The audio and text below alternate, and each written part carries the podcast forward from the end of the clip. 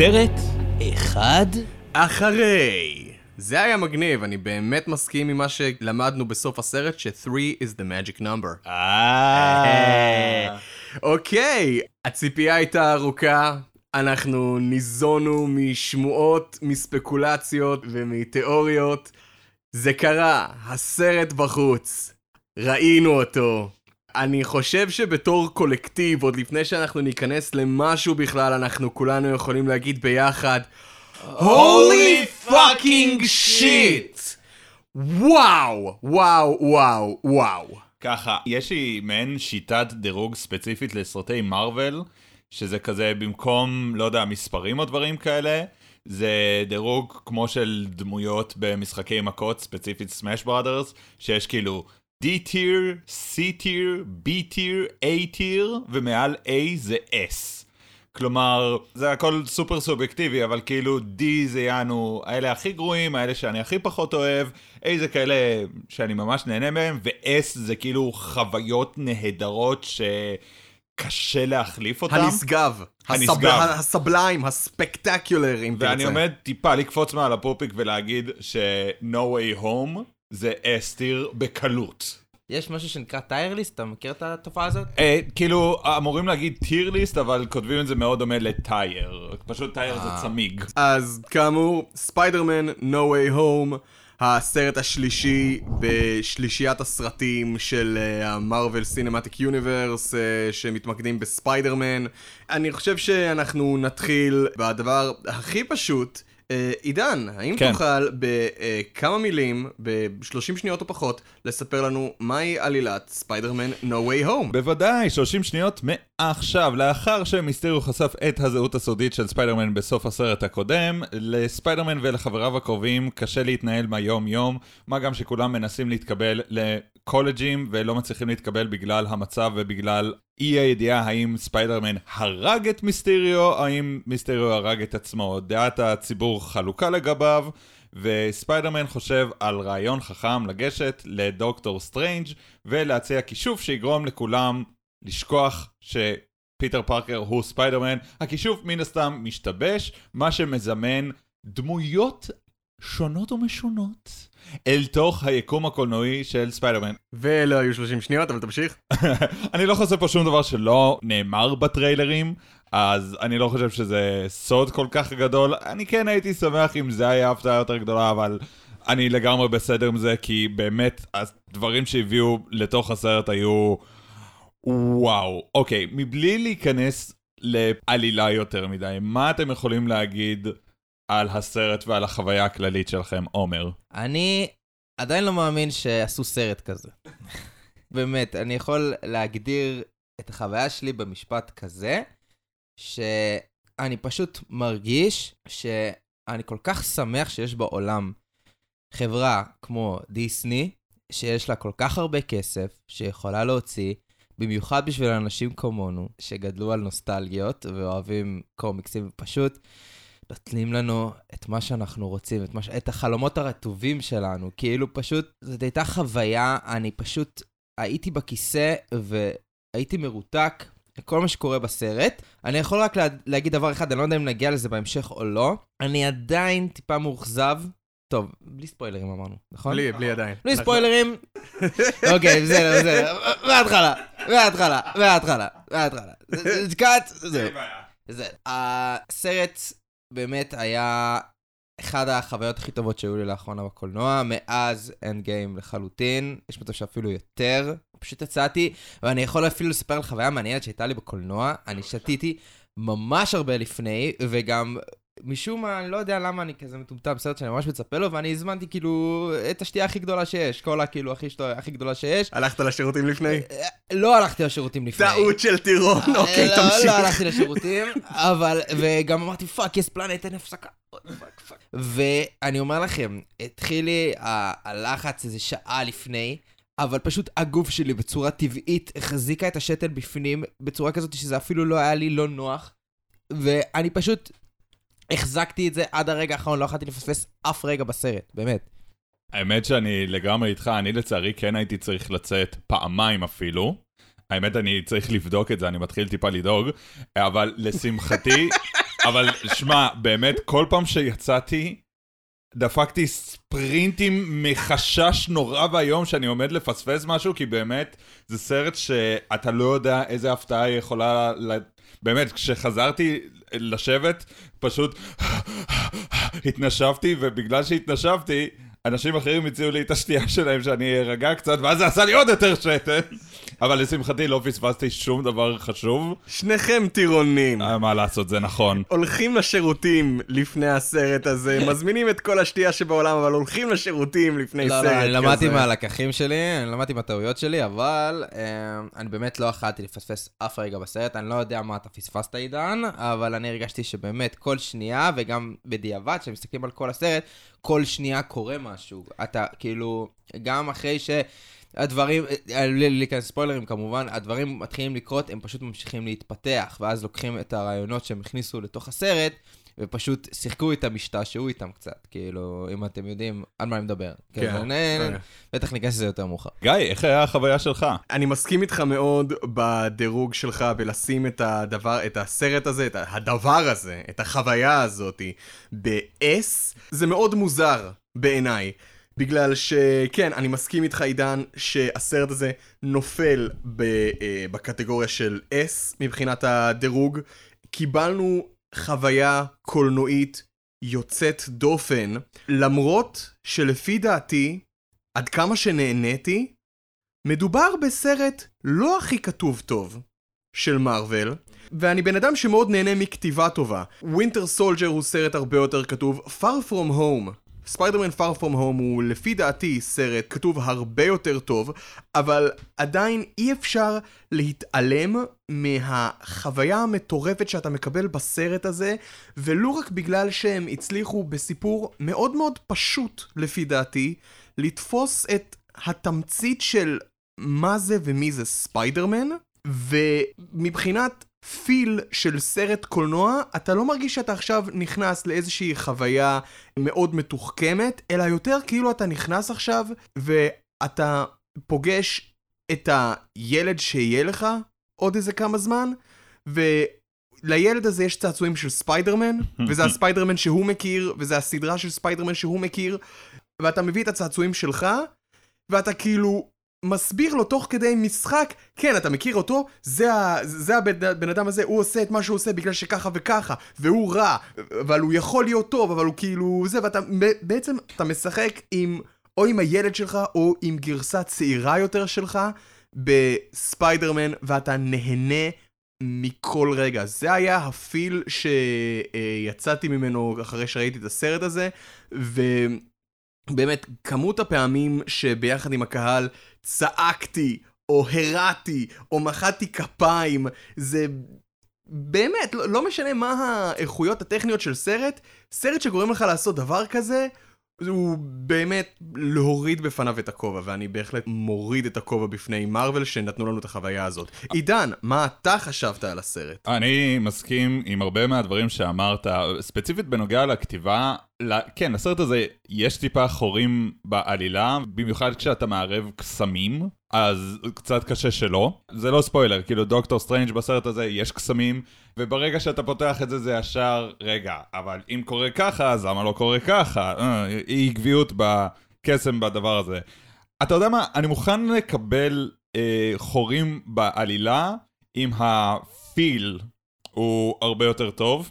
הסרט הזה הוא כל מה שרציתי שיהיה ברגע שהכניסו את ספיידרמן לתוך היקום הקולנועי של מארוול. זה אחד מהסיבות למה באמת, עכשיו אפילו ראייה לאחור, Homecoming ו-Far From Home נראים לי אפילו יותר גרועים ממה שהם נראו לי בעבר, כי פתאום אני רואה את זה שהם ממלאים את הפוטנציאל שיש גם לתום הולנד בתור שחקן, גם לשחקני המשנה, זנדיה ומי שמשחק את החבר שלו, נד, הדודה מאי, פתאום כולם מביאים את ה-A-game שלהם, כולם נותנים ביצועים מרגשים, כולם מחויבים לדבר הזה, ואין לי תחושה שזאת זנדיה שמשחקת דמות. לא, יש לי תחושה שזו הדמות שקוראים לה במקרה MJ.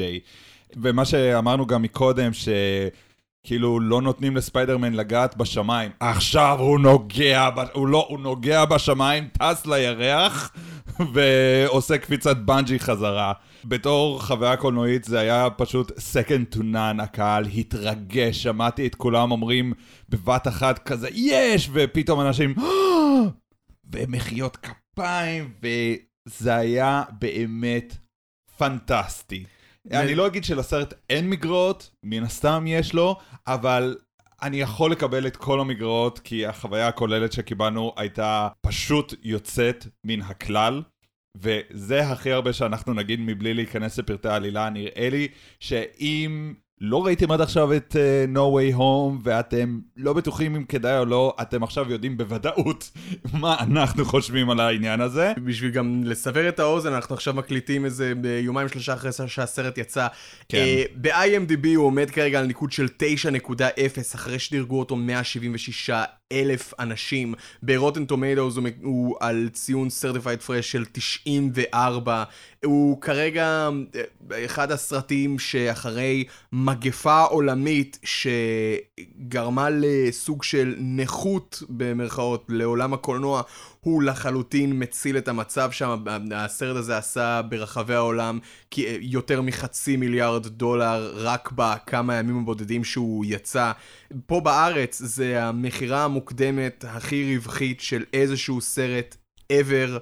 אני חושב שבין אם uh, האנשים יתלהבו יותר או יתלהבו פחות, אי אפשר להכחיש שמדובר פה אשכרה באירוע קולנועי יוצא מן הכלל. דבר אחד אחרון, מה שאמרת, זה אחלה רעיון למערכון, כי אני פשוט מדמיין את הצוות הכותבים של התסריטאים של הסרט הזה, פשוט לוקחים כמה ילדים, נותנים להם בובות שונות, ואומרים, אוקיי, איך הייתם משחקים עם הבועות? אה, אני יותר חזק. לא, אני זה, אה, מי אתה? אני ככה וככה וזה. אה, מצוין, מצוין. כן, אנחנו נכניס את זה לסרט. כן, כן, טוב מאוד, טוב מאוד. בול, בול, באמת, זה ככה, ככה זה ירגיש. וזה גם כאילו, באמת, זה, זה מחזיר אותי למה שסקורסזה אמר בזמנו, ולמה שרידלי סקוט כאילו אה, מתבכיין על אה, סרטי מארוול, ועל מה שסקורסזה אמר בזמנו, שזה לא ממש התבכיינות, אלא יותר מין סוג של דעתו האישית, בגלל ששניהם אה, מדובר בשני יוצרי קולנוע בסדר גודל מטורף, וסקורסזה אמר שבשביל... לפי דעתו, הסרטים של מארוול הם לא נחשבים קולנוע, אלא מתקנים בלונה פארק, אלא theme parks כאלה, ו... אתם יודעים מה? הסרט הזה הוא דוגמה מושלמת לזה. זה, זה fucking ללכת בספיידרמן world ולעלות על, על מתקן מטורף אחרי מתקן מטורף. זה חוויה. זה, זה לא סרט, זה חוויה. אני מבין למה סקורזזה מתכוון, ובאמת קצת קשה לחוות שינויים כאלה. אגב, גם סקורסזה עשה שינוי, לא רק הוא, אבל התקופה שבו הוא יצר והתחיל לעבוד, גם היה שינוי מאוד גדול במפת הקולנוע. כן. Um, והעניין הוא שכשאתה בלונה פארק, כשאתה בלונה פארק, האטרקציות שם לא אמורות לגרום לך לבכות. יכול להיות שהכאבי רגליים יגרמו לך לבכות, יכול להיות שהמחירים של כל האוכל והמשכורות שם יגרמו לך לבכות, אבל האטרקציות לא מיועדות לכך, וספיידרמן No Way Home יש שם רגעים שכן. אוקיי, נראה לי שכבר משכנו את זה מספיק זמן, אתם כבר יודעים מה דעתנו, אתם יודעים מה חשבנו, אם אתם רוצים לרדת לספציפיקציה, האם אתם רוצים לשמוע ספוילרים, תמשיכו להאזין, כי הספוילרים מתחילים מאח. עכשיו. וואו, כמה פעמים אמרתי במהלך הסרט, או, וואו, אני צריך סיגריה, ואני לא מעשן. זה פשוט היה... זה היה עד כדי כך טוב. וואו. רציתי שתבוא ותגיד כזה, אוקיי, ספוילרים, מעכשיו, יואו, ספיידרמנים, אה, טוב, טובי מגווייר, טובי מגווייר. כולנו ידענו שזה הולך להגיע, ועדיין זה לא הוריד מההתלהבות שלנו. פתאום כשאנחנו רואים, פתאום כשאנחנו רואים את אנדרו גרפילד מצטרף, ופתאום כשאנחנו רואים את טובי מגווייר מצטרף. וההצטרפות שלהם יכלה מאוד, לפי דעתי, להיות נוסטלגיה רק לשם הנוסטלגיה, אבל אני חושב שאם הסרט עשה משהו חכם, זה בשימוש שלו בתום הולנד, אנדרו גרפילד וטובי מגווייר ביחד, כשהוא לאו דווקא ברגעים שבהם הם, יש להם uh, קטעי אקשן עם uh, CGI והו-הו-הו הסרט הזה מקיים את ההבטחה הזאתי. הכל. מאחורי כל זה, יש לך פשוט כימיה בין שלושה שחקנים ובין שלושה אנשים שכאילו לבשו את זה, זה, זה, זה כאילו שיחה בין שני שחקנים ששיחקו את המלט. אה, כן, התלבושת שלי קצת, אני זוכר שלי קצת מגרדת, או שלי קצת זה, שלי קצת זה. הרגע הזה שהם מדברים ביניהם על, תגידו, מה האויב הכי מוזר שאי פעם נלחמתם בו? אני נלחמתי באיזה אה, חייזר שחור וגוי מהחלל. וואלה, גם אני נלחמתי בחייזר, אבל הוא היה סגול והוא אסף אבנים. כן, חייזרים אוספים אבנים? וואלה, גם אני רוצה להילחם בחייזר. אני כולה נלחמתי באיזה בחור רוסי בחליפת קרנף ובזה... אני, אני, אני, אני כאילו רואה את הקטעים האלה ואני אומר, וואו, אני מוכן לראות סרט של חצי שעה רק זה, רק של השיחה הזאת. אני חושב, כמו שאמרתי קודם, הם לקחו את הרעיונות וידעו איך לשחק איתם אה, בצורה מאוד מאוד טובה.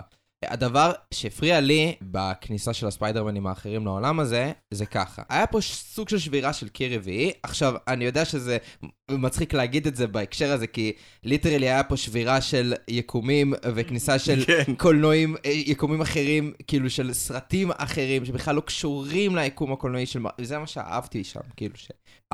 הכניסה של היקומים האחרים, שזה מדהים שהם עשו את זה, שהם כאילו הגיעו לרמה אחרת של אה, שבירה של יקומים.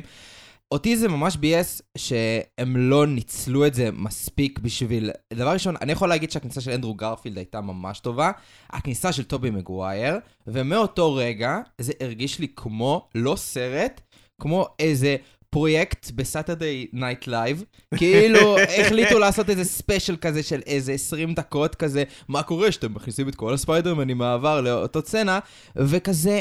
הרגיש לי מהרגע שהוא נכנס, שיש לו איזה חיוך מטומטם, הוא לבוש על אזרחי, למה אתה לא נכנס עם התחפושת שלך? אחד. והוא כזה, הכי, הכי אפאתי כזה, כזה, כן, היי, אני טובי מגווייר, תראו, אני מבוגר, אני לא צעיר כמו פעם. אהבתי וכזה- את ההערה, אהבתי את ההערה של אה, אנדרו גרפילד, אה, של, של הספיידרמן של אנדרו גרפילד, שהוא שואל אותו, תגיד אחי, הבא- הבאת תחפושת או שאתה מתכוון להמשיך אה, להתלבש כמו אה, כומר בקייטנה נוצרית, אחי? והספיידרמן של טובי מגווייר מראה לו כאילו את הצווארון של, של הספיידר סוט שלו, ומביא לו מין מבט כזה של פיץ' פליז. אז זהו, אז זה הדבר היחיד שהפריע לי, אני הרגשתי שהם לא לקחו את הפוטנציאל הזה ומימשו אותו מספיק. כאילו, הייתי רוצה שתהיה כניסה קצת יותר דרמטית, משהו שיותר מתאים לאווירה של הסרט, כי בכל זאת זה סרט, וכבר הבאתם אותם, והשקעתם את כל המאמצים, ואתם שמרתם סוד במשך כל כך הרבה זמן. אז כאילו, די, שמרו סוד, הרגשתי. הרגשתי שקצת מזלזלים, ב... זה היה טיפה מזלזל, אם נגיד טובי מגווייר היה נכנס אולי בסצנה אחרת, כאילו. נכון, וכאילו פשוט אם היו שומרים את זה עוד קצת. הרגיש לי פשוט כמו איזה סוג של איזה, לא יודע, משהו מאוד מוזר. אני כן אוסיף בנוגע לזה שמה מה גרם לזה בעיניי לא להיות רק נוסטלגיה לשם הנוסטלגיה, זה שמתחת לכל זה הם מגיעים לספיידרמן של תום הולנד, לפיטר פארקר של תום הולנד, כשהוא נמצא בנקודת שבירה מאוד מאוד קריטית בהתפתחות שלו, גם כפיטר פארקר וגם בתור ספיידרמן, אחרי המוות של דודה מאי. הגובלין רוצח אותה, ובמילותיה האחרונות היא מעבירה לו את המילים האלה שחיכינו בסיפור ספיידרמן לשמוע כל כך הרבה זמן, עם כוח גדול חייבת גם לבוא אחריות גדולה, ואז היא מתה אחרי מעשיו של הגובלין, ופיטר פארקר כבר מיואש, שבור, והוא חדור אה, ברגשות נקם, ופיטר פארקר עד לאותה נקודה, ביקום הקולנועי של מארוול, היה אדם שהתמודד עם בעיה כבדת משקל שאף אחד לא מסוגל להבין אותו, וחלק מהאנשים שכן מסוגלים להבין אותו אינם, כבר uh, מתים. ופתאום מגיעים שני אנשים מיקומים מקבילים אמנם, אבל שיודעים בדיוק מה עובר עליו, ויודעים כמה הדבר הזה קשה, ו... אני, אני חושב שזה, מתחת לכל זה, מתחת לכל ה-CGI ולכל ההתרגשות ולכל ה-nerdgasm שאנחנו מקבלים פה, יש פה משהו מאוד מאוד פשוט של אתה מתמודד עם בעיה מאוד מאוד קשה, ואנשים שיכולים, אחי, לעזור לך לפני שתעשה משהו טיפשי שישלח אותך מעבר לקצה, אלה אנשים שיודעים על מה, אתה, מה, מה עבר עליך ושאתה יכול לדבר איתם. והיה בזה משהו מאוד יפה, כל אחד דיבר על האנשים שהוא איבד, פיטר פארקר מדבר על... אה, הארי אוסבורן ועל הדוד בן. אה, זה אה, מצחיק שאתה אומר פיטר פארקר. כן, פיטר פארקר. which one? כן. טובי מגווייר מדבר על זה, אנדרו גרפילד מדבר על, אה, גווין סטייסי ועל איך שהוא לא הצליח להציל אותה, וכל אחד מהם בעצם עוזר לספיידרמן של ה-MCU להמשיך הלאה. ולהתעלות מעל הכאב, ויש, ו- וזה הגרעין הרגשי שכל כך עשה את זה בשבילי. אני מבין מה שאתה אומר, עומר, בנוגע לכניסה הדרמטית, כאילו זה היה יכול להיות ש... אה, ש... תום הולנד בצרה, ואוי לא, מה יקרה, ופתאום פש, מישהו היה נכנס, או, מי זה, מה זה, ופתאום טם טם טם, זה אנדרו גרפילד, ואז שניהם היו בצרה, אוי לא, מה יקרה, טם טם טם, הגיע טובי מגווייר. אישית אני שמח יותר שהם הלכו על גישה יותר של הצגת תיאטרון, שליטרלי מישהו נכנס אל תוך הבמה. אה, בין היתר כי אני גם אוהב תיאטרון, אבל זה אני. אה, כן, הם היו יכולים לעשות את זה דרמטית, אבל הסרט הזה גדוש ברגעים דרמטיים. אז נהניתי שמדי פעם הם ידעו גם איך למתן את זה כשהיה צריך. ואגב, אם מדברים על כניסות דרמטיות, בסרט הזה היו חמישה נבלים מהסרטים של, אה, של ספיידרמנים של העבר. וואו. הם היו יכולים לעשות שישה ושזה יהיה Sinister Six, אבל למי נכון, כי הם אכפת? רצו, אה, כשחיכיתי לסרט הזה, אני כל הזמן היה לי ב-back of my mind שסוני בזמנו באמת רצו לעשות סרט על ה-Sinister Six, והנה הנה יש מצב שזה, ככה הם עושים את זה במסגרת ה-MCU. נכון. אבל תקשיב, באמת, מבחינת נבלים, אני חייב להגיד שבאמת אה, הופתעתי קצת כשאני הבנתי אה, שליזרד בסוף נמצא שם, ליזרד של אה, רי, אה, דוקטור קורט קונורס בגילומו של אה, ריס איפאנס חוזר, שפלינט מרקו, סנדמן של תומאס היידן צ'רץ' חזר. זה, זה מגניב לראות אותם, ידענו שדוק אוק של אלפרד מולינה יהיה, ידענו שהגובלין, גובלין. גרין גובלין של, של ווילם דפו, ובאמת, ב... גם אלקטרו. וגם, וגם אלקטרו, עם אלקטרו זה היה בעיקר מרגיש כאילו, הוא היה לנו הבדיחה הכי מודעת לעצמה בסרט הזה, בגלל שבסרט של אה, ספיידרמן ההוא, הוא כאילו היה מין חנון אה, דביל כזה, עם, ג- עם אה, גאפ בשיניים, ופה ביקום הזה, הוא כבר לא כחול, and he's a badass, הוא כאילו אמר, oh my god, אני, אני ג'יימי פוקס פה. כן. הפכתי לג'יימי פוקס! הפכתי מג'יימי פוקס שמשחק דמות לג'יימי פוקס! oh my god, אני אוהב את היקום הזה, אני לא רוצה לחזור!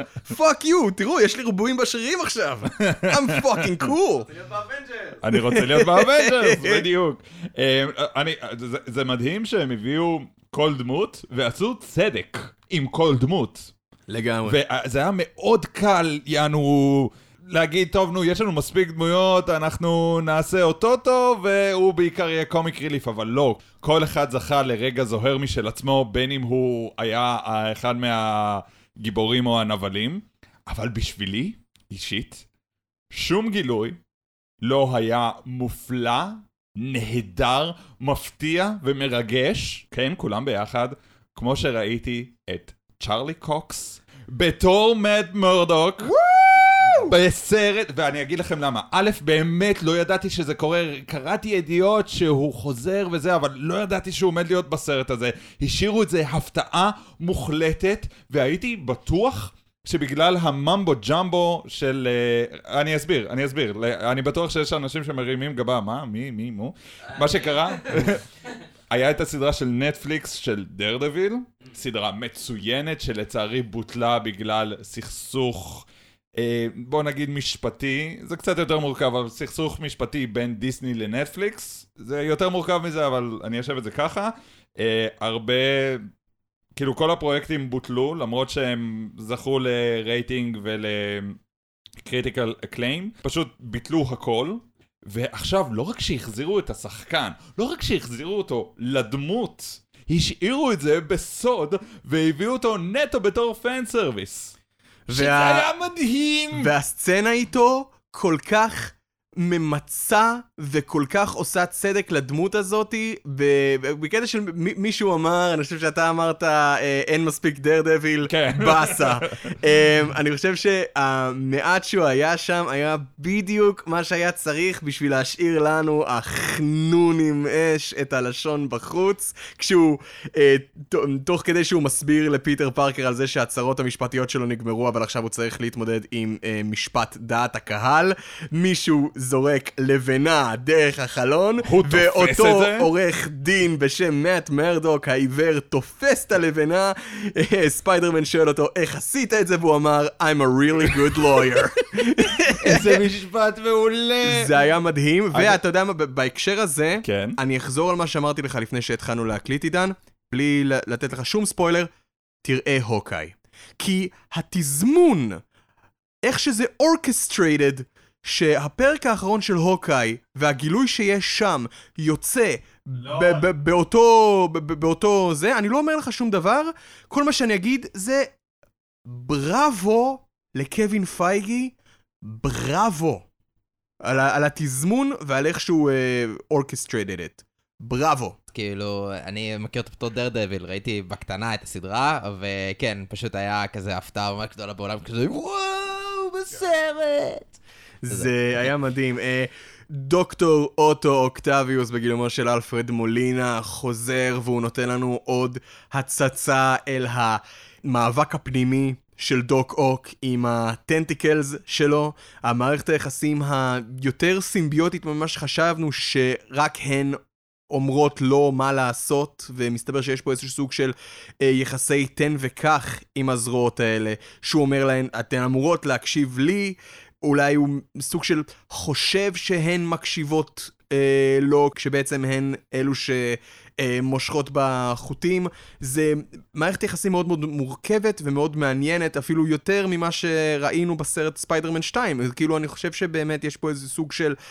אה, הם לקחו את הרעיון בספיידרמן 2, את המערכת יחסים שלו עם הזרועות, אחרי שהשבב ה-inhibitor chip שלו כאילו נשרף, והם החליטו, בואו ניקח את זה צעד אחד קדימה, ואתה רואה בעצם שהדוקוק של אלפרד מולינה הוא דמות רדופת שדים ורדופת קולות פנימיים שצורכים לו בראש עד שפיטר פארקר אה, של ה-MCU בעצם מצליח לתקן אותו. שזה מין קונספט מעניין של לתקן אותו, ופה באמת הסרט אה, סובל במרכאות מאיזושהי כתיבה קצת עצלה, נגיד את זה ככה, בגלל כשהם אה, משתמשים בעומר כבר מסמן לי שלדעתו לא. אה, כשהם משתמשים ב... אה, כן, אני יכול לתקן אתכם, בקלי קלות. יש לנו קסם וטכנולוגיה חייזרית. כאילו, זה, אני יכול לתקן אתכם צ'יק צ'אק. תראה, זה, זה, זה נורא נוח, שכאילו, ה- מה התירוץ שכל הדמויות האלה מגיעות? זה שהגיעו אנשים מיקומים אחרים שיודעים שפיטר פארקר הוא ספיידרמן. זה נורא נוח שהגיעו רק הנבלים, כי באותה מידה גם מרי ג'יין הייתה יכולה להופיע, או אה, הארי אוסבורן, אה, שהוא, אפשר להכליל אותו בתור נבל. היו יכולים להגיע, כי יש לנו, גווין סטייסי הייתה יכולה פתאום להופיע. גווין סטייסי שמשחק אותה אה, אה, ברייס. אה, ברייס, אמה סטון, לפני. שהיא הדמות שלה מתה, או ברייס דאלאס האוורד אפילו. אה, היא יודעת שהוא, פתאום, לא משנה.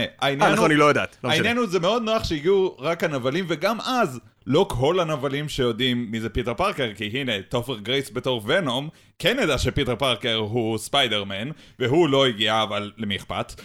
באמת, למי אכפת? כאילו, זה לא היה משנה מחירה... לטופר גרייס לא אכפת, הוא אפילו. עשה על זה בדיחה מאוד מצחיקה בטוויטר, על זה של כאילו, כן, בטח, ברור שאני בספיידרמן החדש, מה זאת אומרת, זה אני והוונום של תום הרדי הולכים מכות, ברור שאני מנצח, ואז אה, הוא מביא כאילו מין כל מיני שטויות כאלה, ואז גוקו מגיע, ואז כאילו, כן. עכשיו, אם אני לא טועה, אני לא זוכר, עבר הרבה זמן מאז שצפיתי, גיא, אתה צפית בזה לאחרונה, האם אלקטרו מגלה שפיטר פארקר הוא ספיידרמן באמייזינג ספיידרמן 2? אתה יודע מה?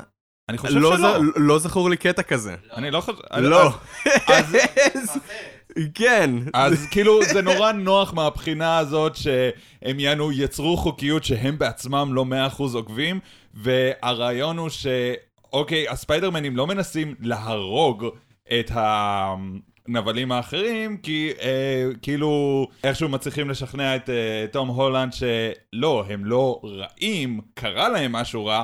בוא נסיר מהם את המשהו הרע ואז הם יחזרו למוטב. אתה יודע, זה, זה דווקא רעיון מרתק שאני מאוד אוהב, זה, זה נורא רעיון נוח. מרתק, אפשר, מאוד- אפשר, מ- זה מאוד נוח לרדת על הרעיון הזה, אבל זה כאילו, זה כל כך ה core של ספיידרמן, גם ב- בסדרות מצוירות, אני תרגמתי כמה סדרות מצוירות של ספיידרמן, שכאילו הוא מבין שהאנשים האלה שהם villains עם אה, כוחות אה, זה, הם אנשים שסובלים מבפנים, והוא באמת רוצה לעזור להם, גם כי זה יהפוך את החיים שלו להרבה יותר קלים כשדוק אוק לא אה, אה, שודד בנק, או כשהגובלין כן. לא מפוצץ את הספרייה העירונית, אבל זה כאילו, זה, זה מאוד ב core שלו להבין שאלה אנשים אה, סובלים, שזקוקים לעזרה, וזה גם ההתפתחות באמת של תום הולנד ב- בדמות הזאת. ואם כבר מדברים על דברים נוחים, איזה נוח שרצו להביא נבלים שמתו בסרטים שלהם, אז איך הם חיים? הביאו אותם רגע לפני שהם מתו. זה שהם הזדקנו תוך כדי, זה בסדר. זה שהספיידרמנים שמביאים מיקומים אחרים איכשהו התבגרו בזמן הזה, וזה לא כזה מוזר, והם לא לרגע אומרים, רגע, אה, אתה מת. ראיתי אותך מת. אה, how the fuck. בסדר, אתה יודע מה? עוד פעם, בגלל שמדובר בקסמים, וברגע שאתה מדבר על קסמים, יקומים מקבילים וזה, אתה לא תוכל להיות עקבי אף פעם. יש לי תיאוריה מעניינת בנוגע לזה. דבר. דווקא.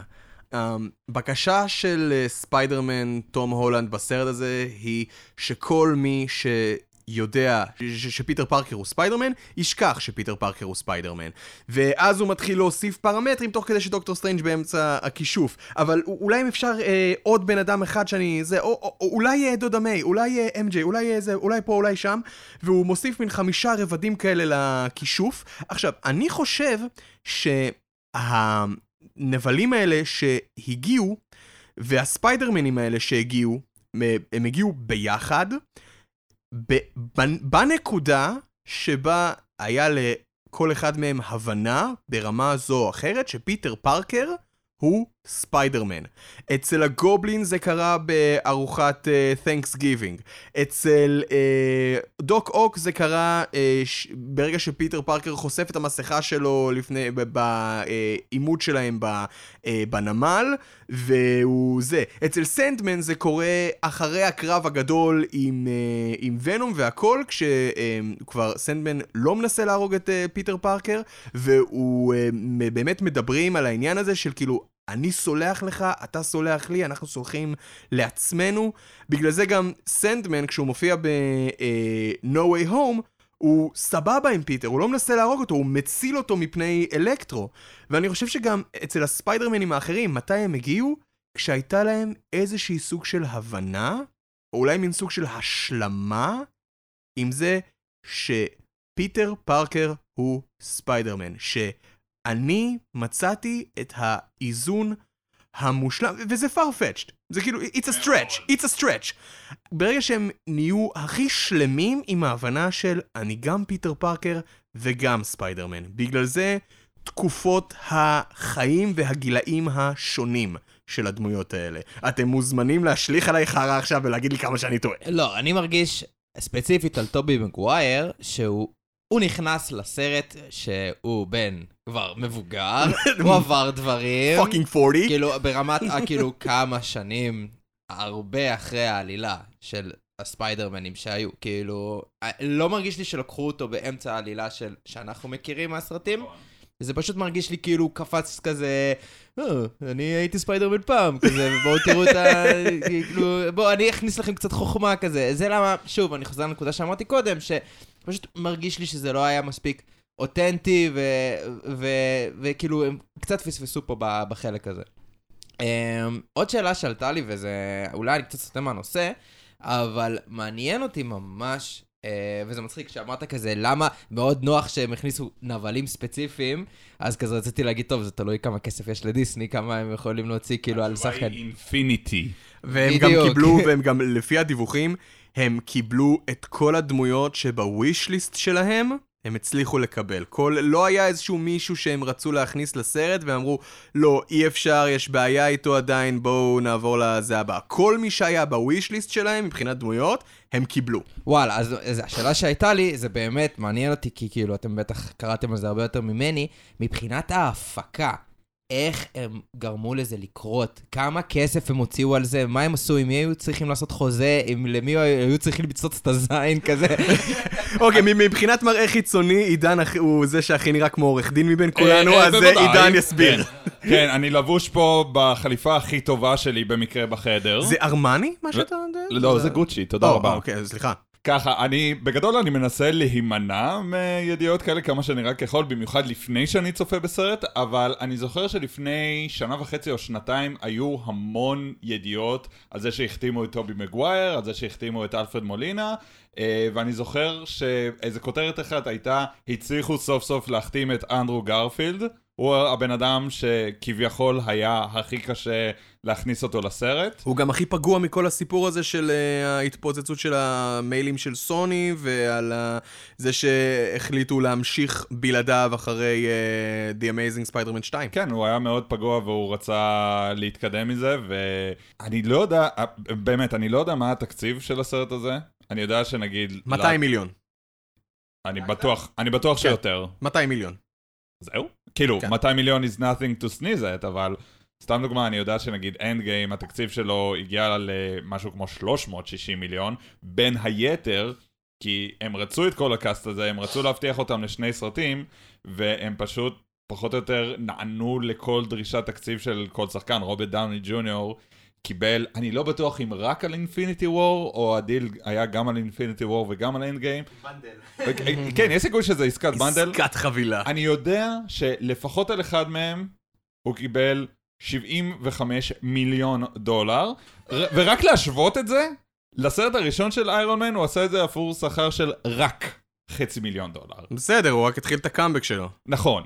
Um, העניין הוא הם שה- שלפו, הם שלפו אותו מאיזה סמטה, אמרו לו, אה, אה, רוברט, אה, ת- תוציא את המחט מהווריד, יש לנו עבודה לעשות. חשבתי על בדיחה מצחיקה, וגם מה שאמרת זה כזה, נתנו לו סכום כזה גדול של כסף שהוא פשוט אמר כזה, טוב, אני יכול למות בשקט עכשיו כזה. אה, אה, תשמע, אני. ו- ותראה, הסרט הזה, הסרט, סרטי גיבורי על הם תמיד יקרים. לא משנה איך מסתכלים עליהם, במיוחד שהם בונים על דילים משוגעים של צעצועים וסדרות, ולהשאיר שחקנים לחוזים מרובי שנים, וכאילו, ולצלם את הדברים האלה, זה באמת fucking מסובך. אין לי מושג למה יש במאי שפוי בדעתו שעושה את זה. במאי, תסריטאי, צוות צילום, fucking, כאילו, זה באמת מסובך הדבר הזה, ואיכשהו הם עושים את זה.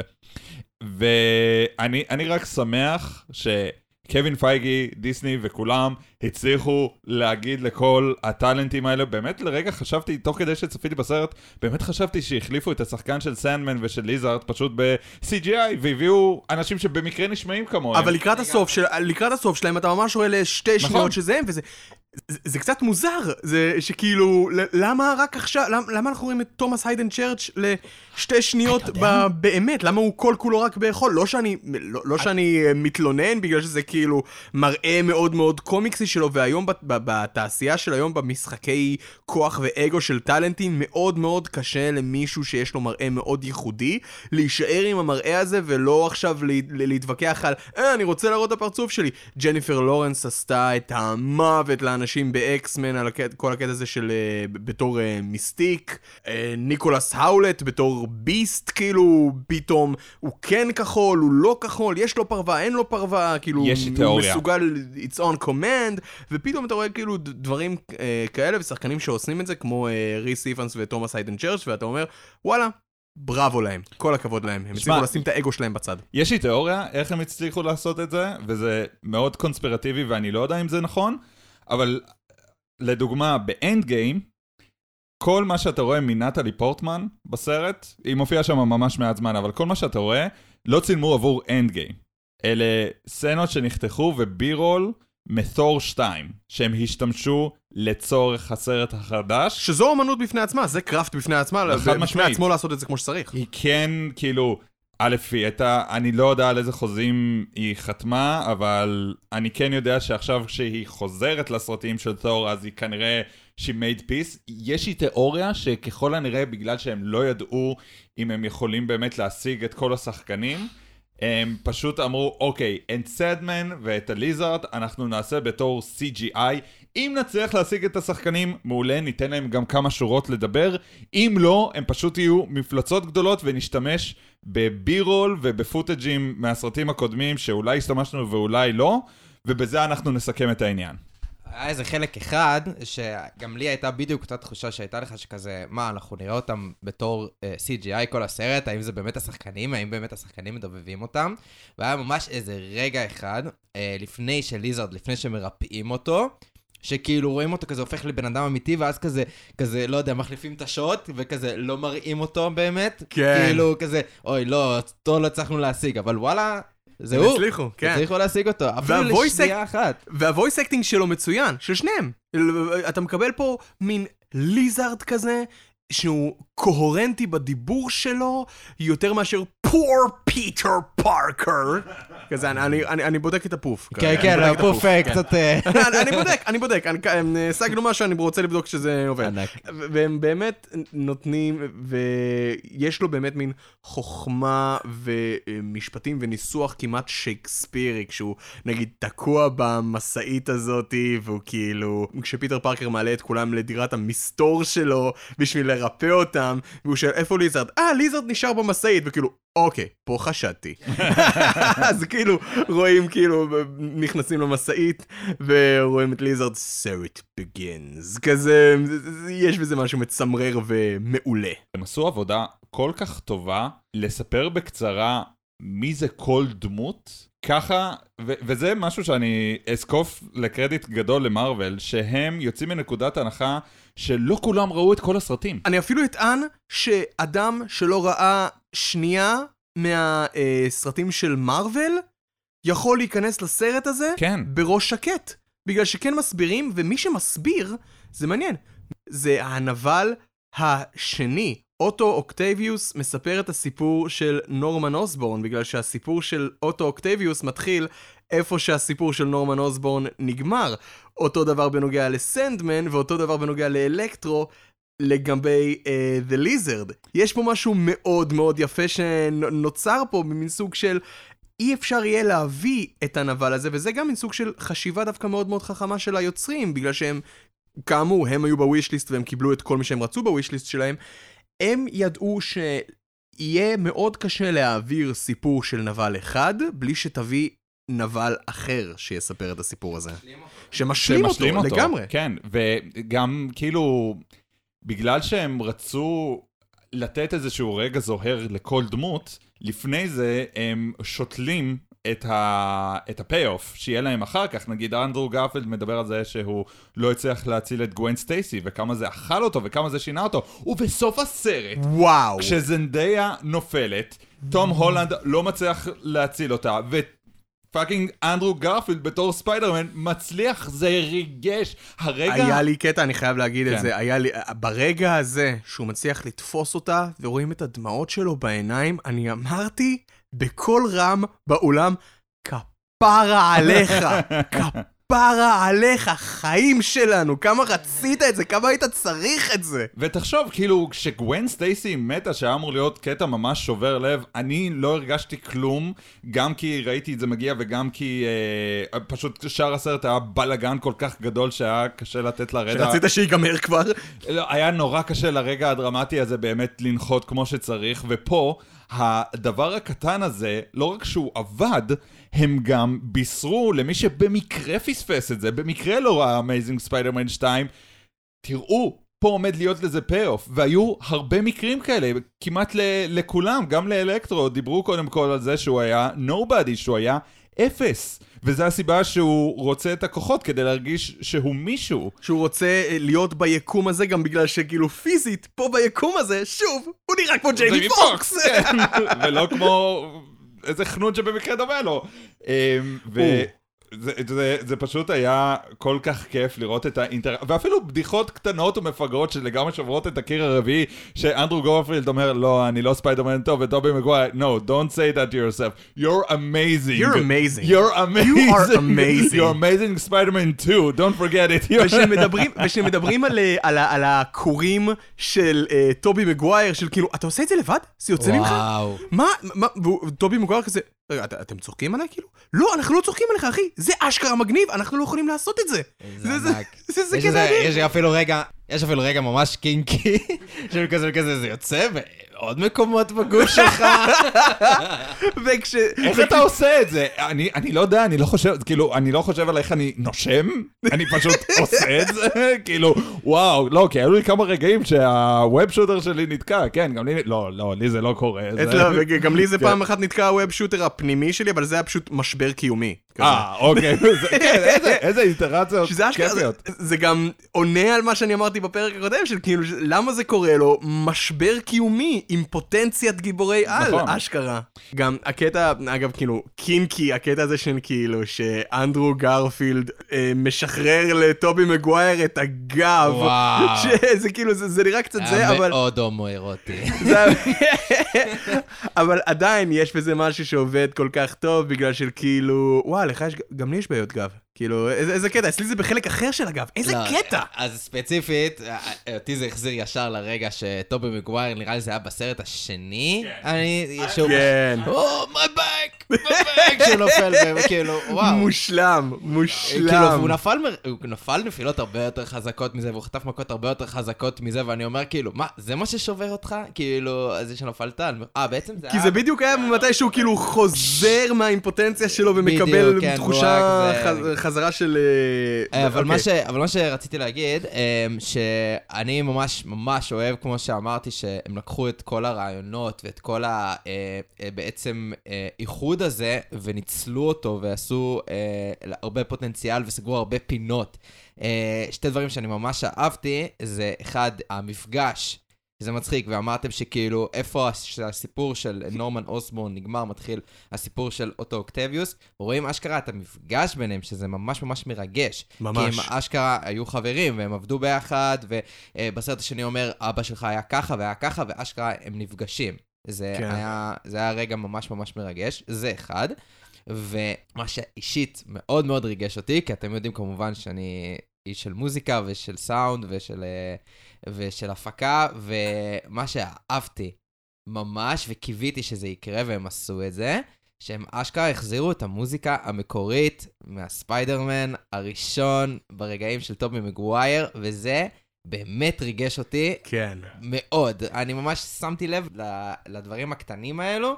אפילו נגיעות של תים של אה, דוק אוק מספיידרמן 2 מה, בקרב. שלהם על הגשר. אה, באמת, איזה יופי שהם הצליחו ל- לשחזר את זה, מדהים. כל האולפנים של מארוול הוקמו כדי שיהיה להם את היכולת לשחק בכל הצעצועים שיש להם, וכאילו באמת חשבתי שאחרי הנוקמים, במיוחד אחרי Infinity War ו Endgame, מין כזה, מאיפה עוד אפשר לעלות מפה?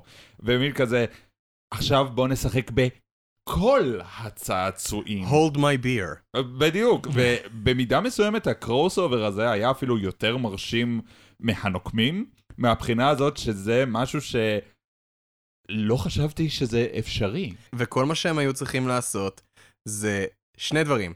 שאימי פסקל, זאתי שהחברת הפקה שלה ביחד עם סוני עשו את הסרטים של The Amazing Spider-Man, תלך לקווין פייגי אה, אחרי הכישלון של The Amazing Spider-Man 2, ותגיד לו, תקשיב, זה לא עובד לי, מה לעשות?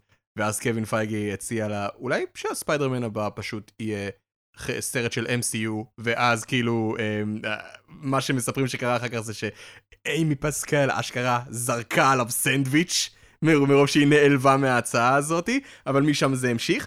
וגם, שימו לב, שבקרדיטים של הסוף, יש מין סוג של כמה מילות תודה לאבי ארד, ראש מחלקת הבידור והסרטים של מארוול, ושבעצם היה מה, מהצד של סוני בכל המשא ומתן, משברים, אה, אי הסכמות וחלוקת אחוזים על הסרטים האלה.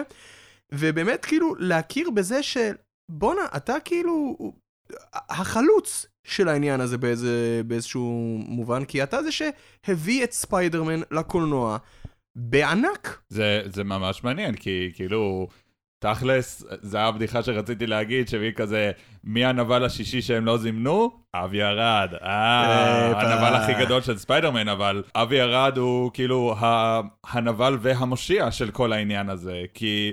הוא בעצם היה אחראי לכל ענייני המדיה של הייצוג של מארוול בטלוויזיה ובקולנוע. בגללו יש את אקס-מן הסדרה המצוירת, בגללו יש את ספיידרמן הסדרה המצוירת, וגם בגללו יש את דרדוויל עם בן אפלק, ואת גוסט ריידר עם ניקולס קייג'. אז it's a mixed bag, הבן אדם לא תמיד יודע מה הוא עושה, יש לו תפיסה מאוד, אה, לא יודע איך אפילו איך להגיד את זה, חד גונית? שלפעמים עובדת ולפעמים לא, ועכשיו עם התפיסה החדשה של אולפני מארוול שאין לו חלק בהם, הוא לא חלק מאולפני מארוול, הוא עדיין עובד, זה מצחיק, הוא עדיין עובד עבור מארוול. הסרט הזה הוא הפקה שלו, הסרט הזה הוא גם, גם כן. הפקה שלו. כן, ו...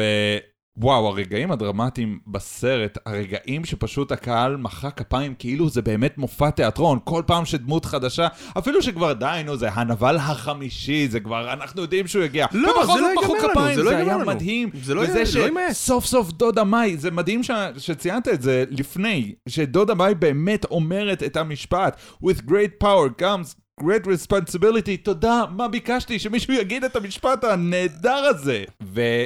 ואני אני אשקר אם בגלל שהציפיות שלי עלו, לא ציפיתי אפילו לעוד קצת, ציפיתי שאולי בקרב האחרון פתאום דרדוויל ישתתף, ופתאום אולי מתוך המים ונום יקפוץ, ונום עם של... של אה, תום הרדי. של תום הרדי.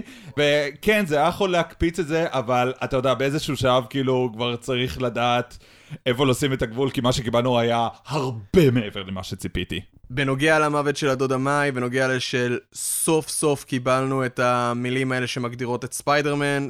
אני שמעתי כבר את הטענה הזאת אחרי שיצאנו מהסרט הזה, שזה כאילו שהכותבים של הסרט הזה ראו את שני הסרטים הקודמים של ה-MCU של ספיידרמן והחליטו נעשה פה עוול ואנחנו רוצים לתקן. אני חולק על זה. אני גם חולק על, על תיאוריה אחרת שבשני הסרטים הקודמים הידיים שלהם היו כבולות, ועכשיו סוף סוף יש להם מקום לשחק בו. אני חולק על זה, ואני אגיד למה הסרט הזה עובד מעולה, ולמה הוא גם גורם לשני הסרטים הקודמים לעבוד, בכלל בהקשר של טרילוגיה, ובכלל בהקשר של ה-MCU. אני אומר כבר מהסרט הראשון של ספיידרמן, שאולפני מארוול לוקחים את הזמן שלהם עם הדמות הזאת. מבחינת כתיבה, מעל הכל.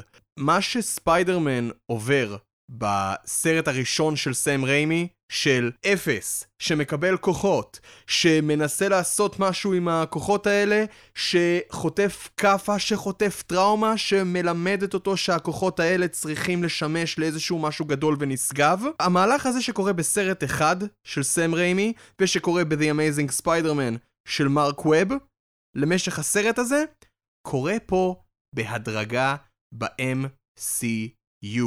הוא מקבל את הכוחות, הוא הולך לשחק קצת עם הגדולים ב-Civil War, הוא מסיים את מה שהוא עושה, הוא מנסה בסרט של Homecoming להמריא לשמיים, מכפכפים אותו למטה, הוא מצליח לגעת בשמיים בסוף, הוא, והוא מבין שעדיף לו כרגע על הקרקע. בשני קורה את מה שקורה, זה קצת מבגר אותו, זה קצת גורם, לו לה- להתגבר על הזה, ופה בסרט השלישי מגיע סוף סוף, מגיע בעצם הלקח, מגיע בעצם המשל של אם יש לך את הכוחות האלה, אתה צריך לעשות איתם משהו בשביל לעזור לאחרים.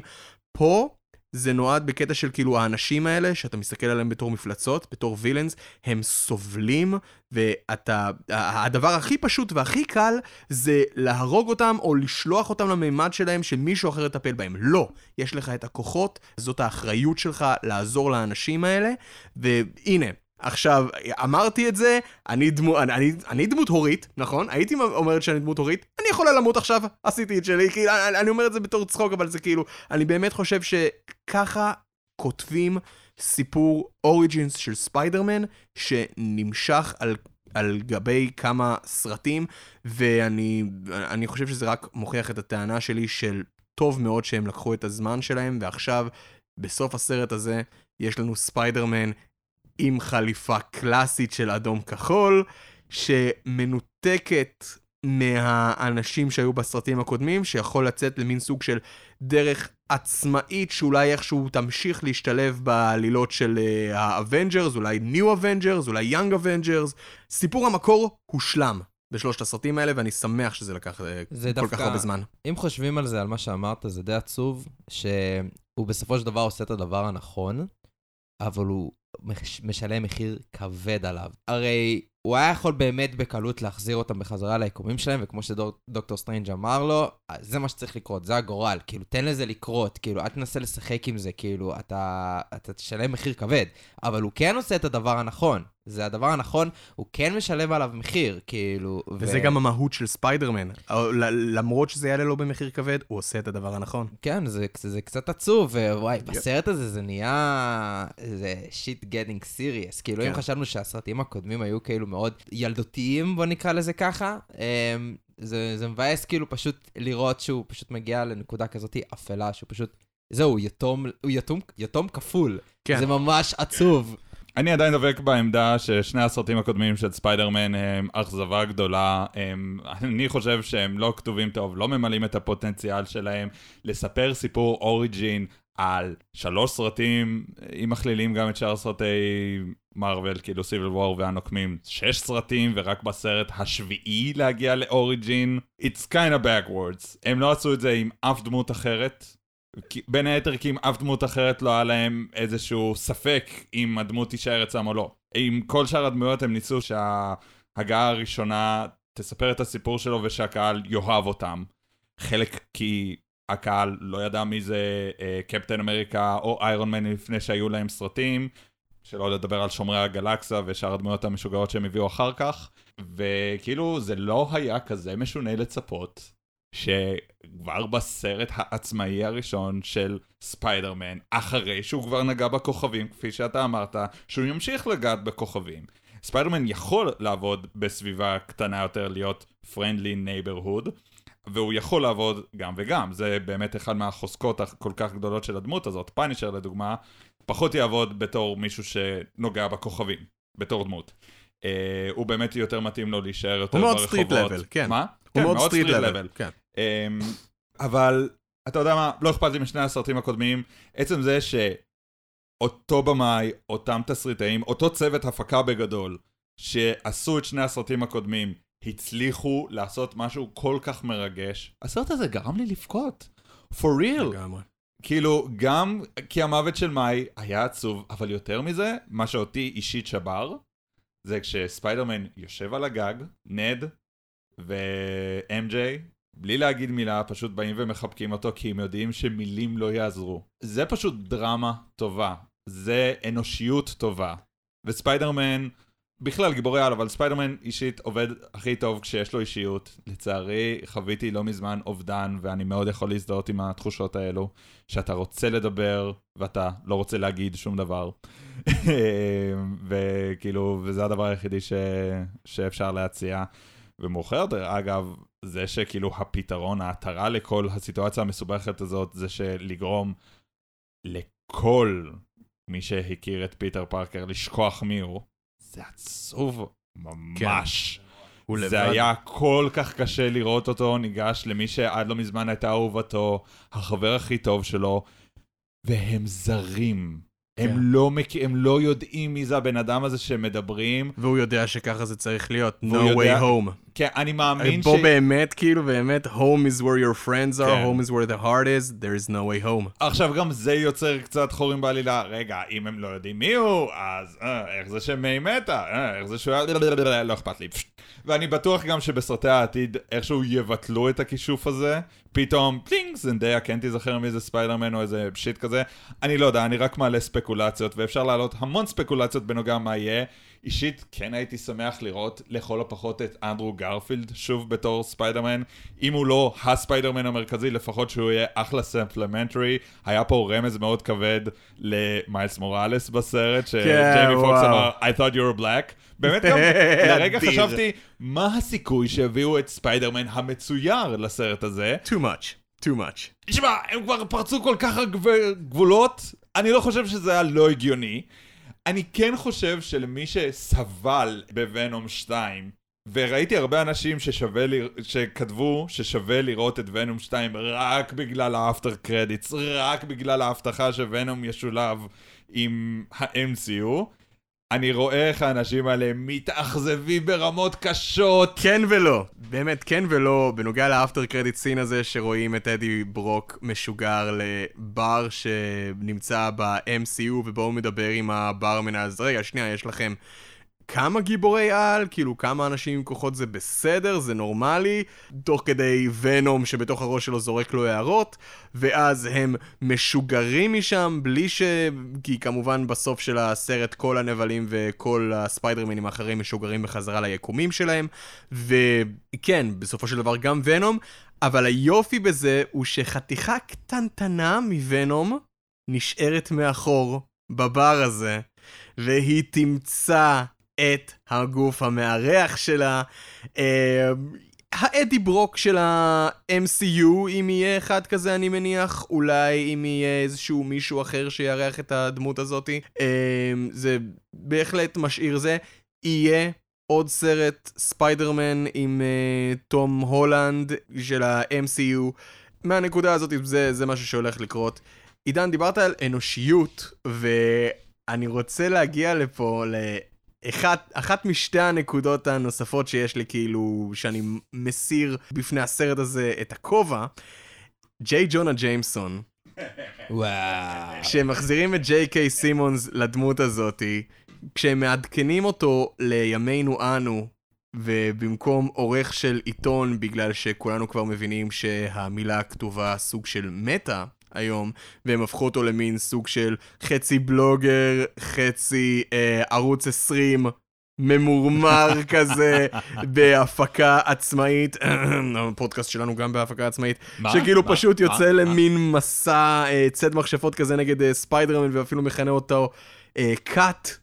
cult ספיידרמן, האנשים שאוהבים את ספיידרמן הם אה, אנשים ב cult שהם אה, בעצם משתתפים בפולחן אישיות. בקטע הזה שרואים את תום הולנד שבור אחרי המוות של דודה מיי, שבור פיזית ונפשית, מסתכל על בילבורד מסך ענק של ג'יי קיי סימונס בתור ג'יי ג'ונה ג'יימסון, אומר את המילים הבאות, האם אנשים יתעוררו סוף סוף ויבינו שבכל מקום שבו ספיידרמן נמצא יש הרס ואובדן, ושאנחנו לעולם לא נוכל לבטוח בספיידרמן בגלל שאנחנו לא יודעים מי הוא מתחת למסכה הזאת, או בגלל שהוא מתעק... יודעים מי ספיידרמן בזה, אבל כאילו, בגלל שהוא מתעקש ללבוש מסכה ולא להגיד לנו מי הוא, ובאמת אתה שומע פה ורואה acting כל כך טוב של ג'יי קיי סימונס בדמות הזאת, היא עושה משהו שכמעט ולא ראינו בטרילוגיה של סם ריימי, שהוא כאילו בעצם מצליח להעביר לנו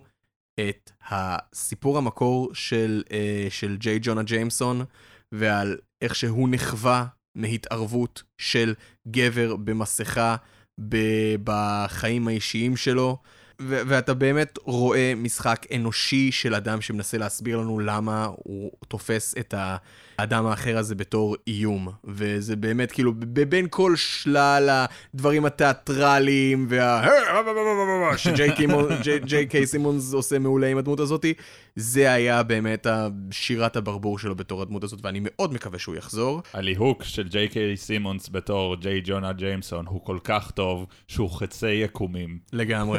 היו יכולים לעשות איזה רגע שהוא פוגש את uh, ג'יימסון מהיקום של טובי מגווייר ושניהם היו מסתכלים Who the hell are you? Who the hell are you? What do you mean? I'm you! אבל How dare you! כן, ואפשר How dare להגיד, I? How dare you! ואפשר להגיד שזה כזה אולי חור בעלילה שרגע, איך זה שהוא קיים בשני המקומות האלה והוא נראה בדיוק אותו הדבר, אבל די, זה לא משנה. אני פשוט שמח שג'יי קיי סימונס חזר לתפקיד. אה, תקראו לזה חור בעלילה אם אתם חייבים, לא אכפת לי. זה, זה פשוט ליהוק כל כך טוב שפשוט אין שני לו. באמת, אין שני לו. במידה מסוימת זה פשוט טוב כמו אה, הליהוק של פרופסור אקזייבר בכיכובו של פטריק סטוארט. פשוט אי אפשר להתעלות על זה. אפרופו, חורים בעלילה. אני חייב לשאול שאלה שקצת אולי חוזרת אחורה, אבל היא ממש מעניינת אותי והרגע חשבתי עליה. איפה דוד בן ביקום הזה? האם הוא קיים? האם כשהם דיברו, הספיידרמנים האחרים דיברו על דוד בן, איבדתי דוד בן, איך הוא לא הזדהה עם זה? כי גם לו יש דוד בן במציאות שלו. או אין לו? יש לו? שמע, לא ממש מדברים על זה ישירות, אה, כי כשהכניסו את תום הולנד ניסו טיפה להימנע מלחזור על דברים שהקהל כבר הכיר, אה, אבל ב Civil War רומזים בכבדות שהיה דוד בן, ושספיידרמן לא השתמש, כאילו תום הולנד לא השתמש ביכולות שלו כדי להציל אותו. ובספיידרמן Homecoming הוא אומר לנד, אני לא יכול לספר לדודה מיי, עובר עליה כל כך כן. הרבה כרגע, היא מתמודדת עם כל כך הרבה כרגע, שזה מין סוג של רמז ל... היא הרגע ש... אה, שקלה בעל, שזה כאילו... זה, זה מין כן. סוג של נרמז מזה שיש דוד בן וש...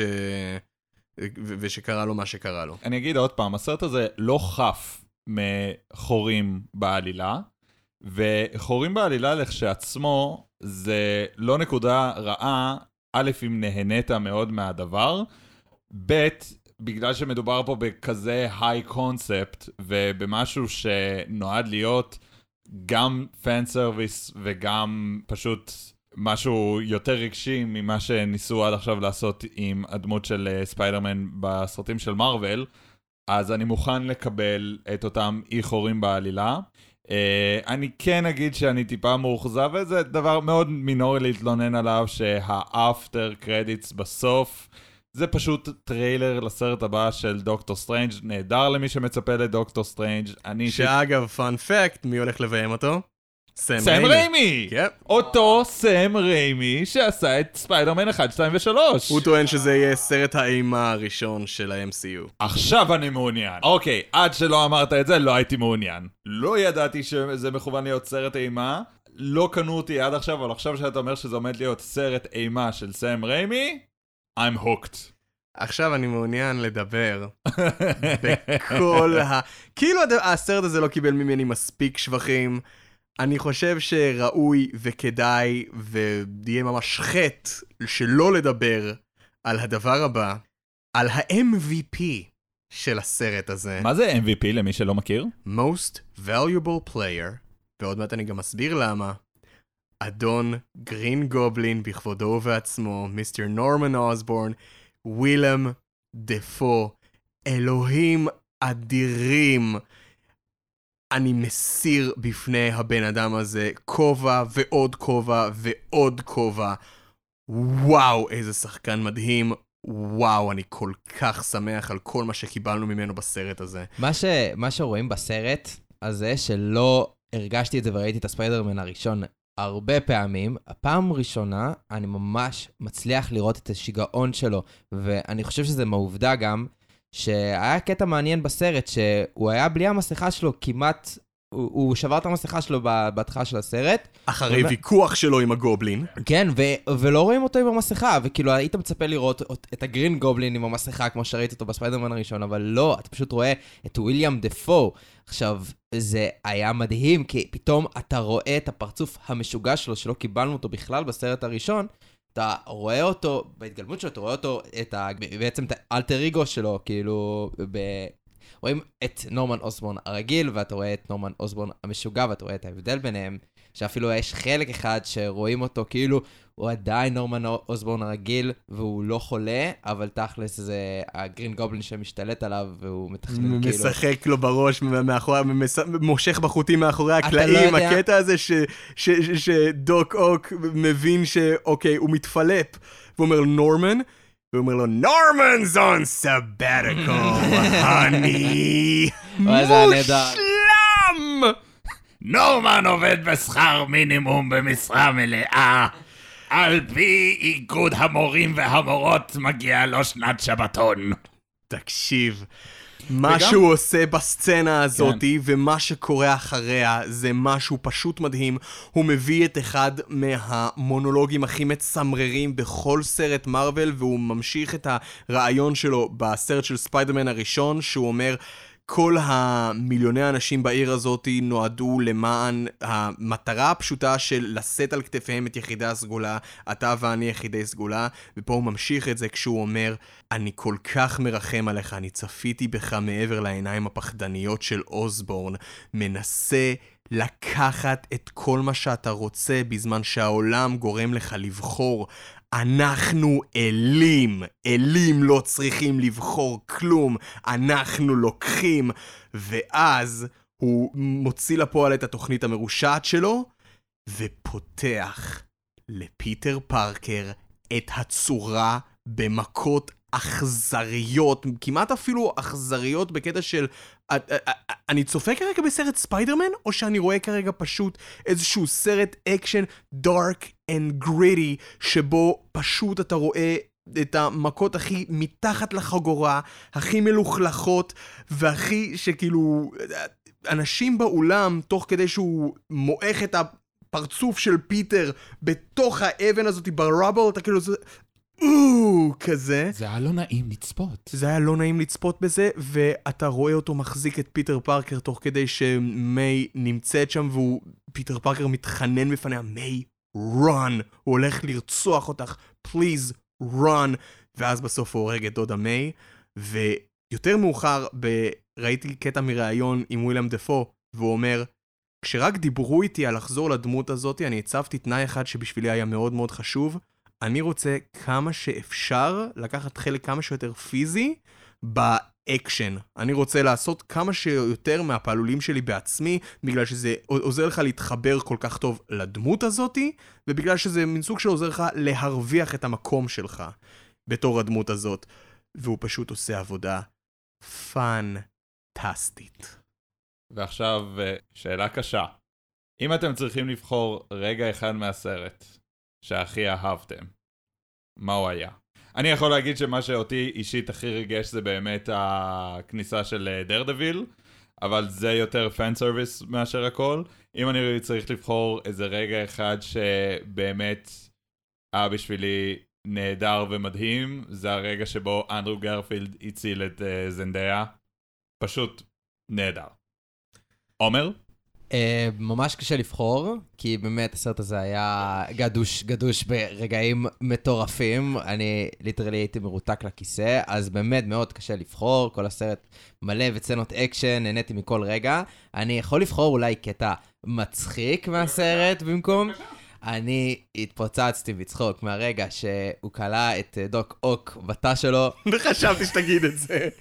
והוא מסתכל על דוקטור סטרנג' ואומר לו כזה, מה זה, אנחנו עושים פה מסיבת יום הולדת? מי זה הליצן הזה? מה זה, מסיבת יום הולדת? ואז הוא מראה לו את הדברים המטורפים, הוא אומר לו, וואלה, אני fucking קוסם מטורף, אל תזלזל בי, והוא כזה, אה, איך אתה עשית את זה? A lot of birthday parties. מושלם, מושלם. בנדיקט קמברבץ' באמת מגיע לו לא פה... לא דיברתם עליו בכלל, לא דיברנו עליו בכלל, בגלל ש... זה ממש מעליב. נכון, הוא עושה פה עבודה מצוינת. יש לו תפקיד מאוד מרכזי בסרט, ואני חושב שהוא היה מעולה. אני מאוד הופתעתי מכמה סבלני הוא היה, מכמה שספיידרמן היה מעצבן. כמה הוא דפק לו את התוכניות, וזה לא סתם, זה כאילו כזה, היי, זרקתי עליך, זה, הוא אשכרה כאילו כמעט הרג אותו, כמעט גרם להרס של היקום.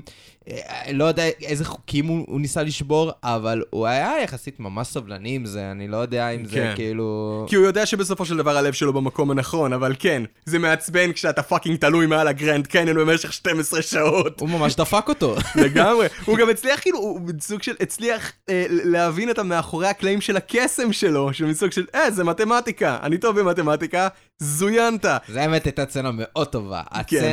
אם אני עכשיו בוחר לא צנה... אה, לא קטע מצחיק, קטע מדהים בסרט, מהרגע שהם נכנסו לתוך מימד ה... מימד המראה. מימד המראה. וואו, איזה מראה מרהיב, איזה אנימציות מגניבות, כאילו, איך, כמה עבדו על זה, כמה... יואו, וואו, מטורף. זה כאילו באמת, אם יענו, אפשר לייחס את המים של טל פרידמן בתור אשת לוטו מרינל, שורלק ואחותו, איזה מחזה מרהיב, זה הסצנה הזאתי. יאללה, גיא, תורך. הקטע, אוקיי, זה בנאלי בטירוף, אבל הרגע בו שלושת הספיידרמנים יוצאים יחד למתקפה. ו- וזה לא היה יכול להיות בלי הרגע הזה, שבו הם מנסים והם קצת מקרטעים, ואתה חושב לעצמך בתור צופה, אוקיי, זה מגניב והכל, אבל רגע, באמת? ככה זה כאילו הולך להיראות כששלושת הספיידרמנים עובדים ביחד? כאילו, באמת? ואז אתה רואה אותם ש... עושים רגע huddle up, ואומר, חבר'ה, אנחנו גרועים בזה, oh my god, למה לא בסדר אף פעם לא איתנו? עבדתי בצוות. אני האמת היא עבדתי בתור צוות, אני כאילו, אני לא רוצה לטפוח לעצמי על השכם, אבל אני אעשה את זה, אני הייתי בנוקמים. אה, וואו, מגניב. מה זה הנוקמים? זה- זה להקה? זה- הי- היית בלהקה? אתה מנגן? זה, זה, זה פשוט, ס- את- אני ספיידרמן אחד, אתה ספיידרמן שתיים, אתה ספיידרמן שלוש, אל תתווכחו איתי כרגע, בואו פשוט ככה וככה וככה. אוקיי, הוט, יוצאים לדרך, הם רצים ביחד מהגשר, יש את המוזיקה המרגשת של, אה, מהסרטים של סם ריימי, אתה רואה אותם עובדים ביחד באופן מטורף ובאופן מושלם. תום הולנד יורה בהם כורים וזורק אותם יותר אה, רחוק כדי שיעשו כל אחד את הקטעים שלו והם אומרים אוקיי אנחנו עכשיו כל נבל אנחנו נטפל בו בנפרד. וזה פשוט זה יענו ההתגשמות של ההבטחה ש... וזה כאילו זה מבחינתי מה שגרם לי לרקוע ברגליים כמו ילד קטן. כן, הסרט הזה באמת גרם לי להרגיש כמו ילד קטן, וואו. ואני אומר את זה ממש לחיוב. אני באמת חושב שמי שכן צפה בסרטים של ספיידרמן לאורך השנים, ועל האנשים האלה פשוט יש את המוצר באמת הכי טוב שרק אפשר לבקש. אני כן חושב שספיידר ורס, אתה יודע מה? לא. זה באותה רמה של. ספיידר ורס. כל אחד מצוין בדרכו כל שלו אחד מצוין בדרכו שלו, ואם עכשיו תגיד לי איזה סרט אני מעדיף לצפות, יהיה לי ממש קשה להגיד. אבל זה היופי זה היופי. We don't have to choose לא, לא, אפשר לצפות בשניהם. תודה רבה לכל הצוות הנפלא פה. אמ, אני, אני, אני צריך אה, לעשות הפסקה, אני גם... אה, אגב, סתם שתדעו, זה לא קשור, יום אחרי שצפיתי בספיידרמן, צפיתי בקונצרט מד- מדהים של פנטזיה, אז הייתי כזה ביומיים של ריגושים ענקיים שהיה קשה להירגע מהם. אני עכשיו באיזשהו down נוראי, אבל לא אכפת לי, זה היה שווה כל תביאו רגע, לאיש- כל תביאו שקל. לאיש הזה סיגריה. תביאו. ואגב, ואני חייב להגיד, לראות את הסרט הזה בתלת מימד, אני בתור משקף עופר, שונא לראות סרטים בתלת מימד. זה... שלנו, כשראינו כן. את זה באיימקס זה היה בתלת מימד, ואגב, אני ממליץ לחלוטין לראות את זה באיימקס, בגלל שהסרט הזה specially formatted בשביל איימקס, והוא כן. תמיד משתמש במלוא המסך של איימקס, שזה יפהפה. אני, אני, אני עדיין דבק שאיימקס זה לא יותר ממשהו נחמד. מבחינתי לצפות באיימקס זה כמו ההבדל בין לצפות בין מסך של 55 אינץ' ל-60 אינץ'. כן, זה יותר גדול, אבל תכלס אני לא כזה שם לב, לי אישית זה לא כזה מפריע, אבל במקרה הזה לא אכפת לי. הסרט היה נהדר, הייתי נהנה ממנו על מסך קטן, הייתי נהנה ממנו על מסך גדול. אם עדיין לא ראיתם את זה, מה אתם לעזאזל עושים? לכו לראות את ספיידרמן No Way Home. רגע, אין מילות סיכום? אה, כן, מילות סיכום. סליחה, אה, גיא, תן מילות סיכום. אנחנו נערוך את זה. מילות סיכום, אימא'לה ואבא'לה. לא, מה ציפית? מה קיבלת? מה ציפ... אוקיי. אני תמיד אוכל להגיד שמה שאני ציפיתי לא ישתווה למה שאני קיבלתי, בגלל שתמיד כשאתה שם מין סרט כזה מול הציפיות והחלומות הכי רטובים שלך, אתה... זה כמו לעולם- המשפט של MJ. מה MJ אמרה באמת? צפה, להתאכזב, וה, וההפתעה, וההצלחה תבוא אליך בתור הפתעה נעימה, כאילו, ו- ו- ולא תתאכזב. נכון. אמ, קשה מאוד לצפות להתאכזב מדבר כזה, ודבר כזה לעולם לא ישתווה לחלומות הרטובים שלך, אבל God damn it, הם הגיעו קרוב, וזה, עצם זה שהם הצליחו להגיע כל כך קרוב, זה הישג מרשים וכל הכבוד להם. עומר, מה אתה חשבת? הנה המילות סיכום שלי, אני לגמרי, אני, כמו שאמרתי לכם לפני שראינו את הסרט, אני ציפיתי לסרט הזה כל כך הרבה זמן, ממש התרגשתי כמו ילד קטן, ואני באמת מרגיש שקיבלתי את כל מה שרציתי, אה, באמת, ואני אומר את זה בשיא הכנות, נהניתי בטירוף. אני חייב להגיד שאני אפילו יצאתי מהקולנוע טיפה מאוכזב, כי אמרתי, וואו, לא יהיה עוד crossover כזה. בחיים. כן. כאילו, אם חשבתי שה Avengers Endgame היה השיא, אז זה כאילו שבר את האם אימא של זה, ואני אומר, אין, זה לא יחזור עוד פעם, לא יהיה משהו כזה, זה היה... זה היה, זה היה מדהים מבחינתי. היה עוד משהו שרציתי להגיד. זה רועי בש, שראה איתנו את הסרט, סיכם את זה הכי טוב, הוא פשוט אמר, אני רוצה לקנות עכשיו כרטיס ועכשיו לראות את זה שוב. הוא מיד גם איך אמר עוד משהו שיצאנו. מעניין, הוא גם אמר עוד משהו מעניין. הוא אמר את המשפט, זה כמו כשפעם הטלוויזיה הייתה בשחור לבן, ופתאום צבע. שמעתי עוד מישהו אומר את זה. אני לחלוטין הולך לראות את הסרט הזה עוד פעם, ועכשיו. אמרתי שזה גם באיימקס וזה גם ב-3D. בוא איתי פעם שנייה לאיימקס. בוא, יאללה. דחוף, עכשיו. בוא עכשיו. אני מחר אה, הולך אה, לצפות בסרט הזה שוב, למען האמת. שום בושה. אה, ואני רוצה להודות למי שהפך את החוויה הזאת ללא פחות למדהימה, כל האנשים שהלכנו לראות איתם את זה בקולנוע, רועי בש, טלי בקון, אה, אייל, לני קאינו, אייל און, ויקי, ויקי בייליס אהובתי, גיא זיידמן, עידן שונברגר, לא הלכנו לראות את זה עם עומר, אבל נעמיד פנים שכן, עומר זיידמן. רגע, אני צריך להודות לכל האנשים שאני הייתי איתו, סתם. סרט אחד אחרי, אתם יכולים למצוא אותנו בספוטיפיי, ביוטיוב, בגוגל פודקאסט, באפל פודקאסט, בעמוד שלנו בפייסבוק, בעמוד שלנו באינסטגרם. אם אהבתם, אם נהניתם, כעת אתם יכולים לדרג את הערוץ שלנו באפליקציה של ספוטיפיי. לאן הטכנולוגיה הזאת עוד תגיע? תודה רבה לכולכם, ותמיד תזכרו, עם כוח גדול תמיד צריכה לבוא גם אחריות כבדה. אני הייתי גיא. אני הייתי עידן. הייתי אומר. יאללה ביי!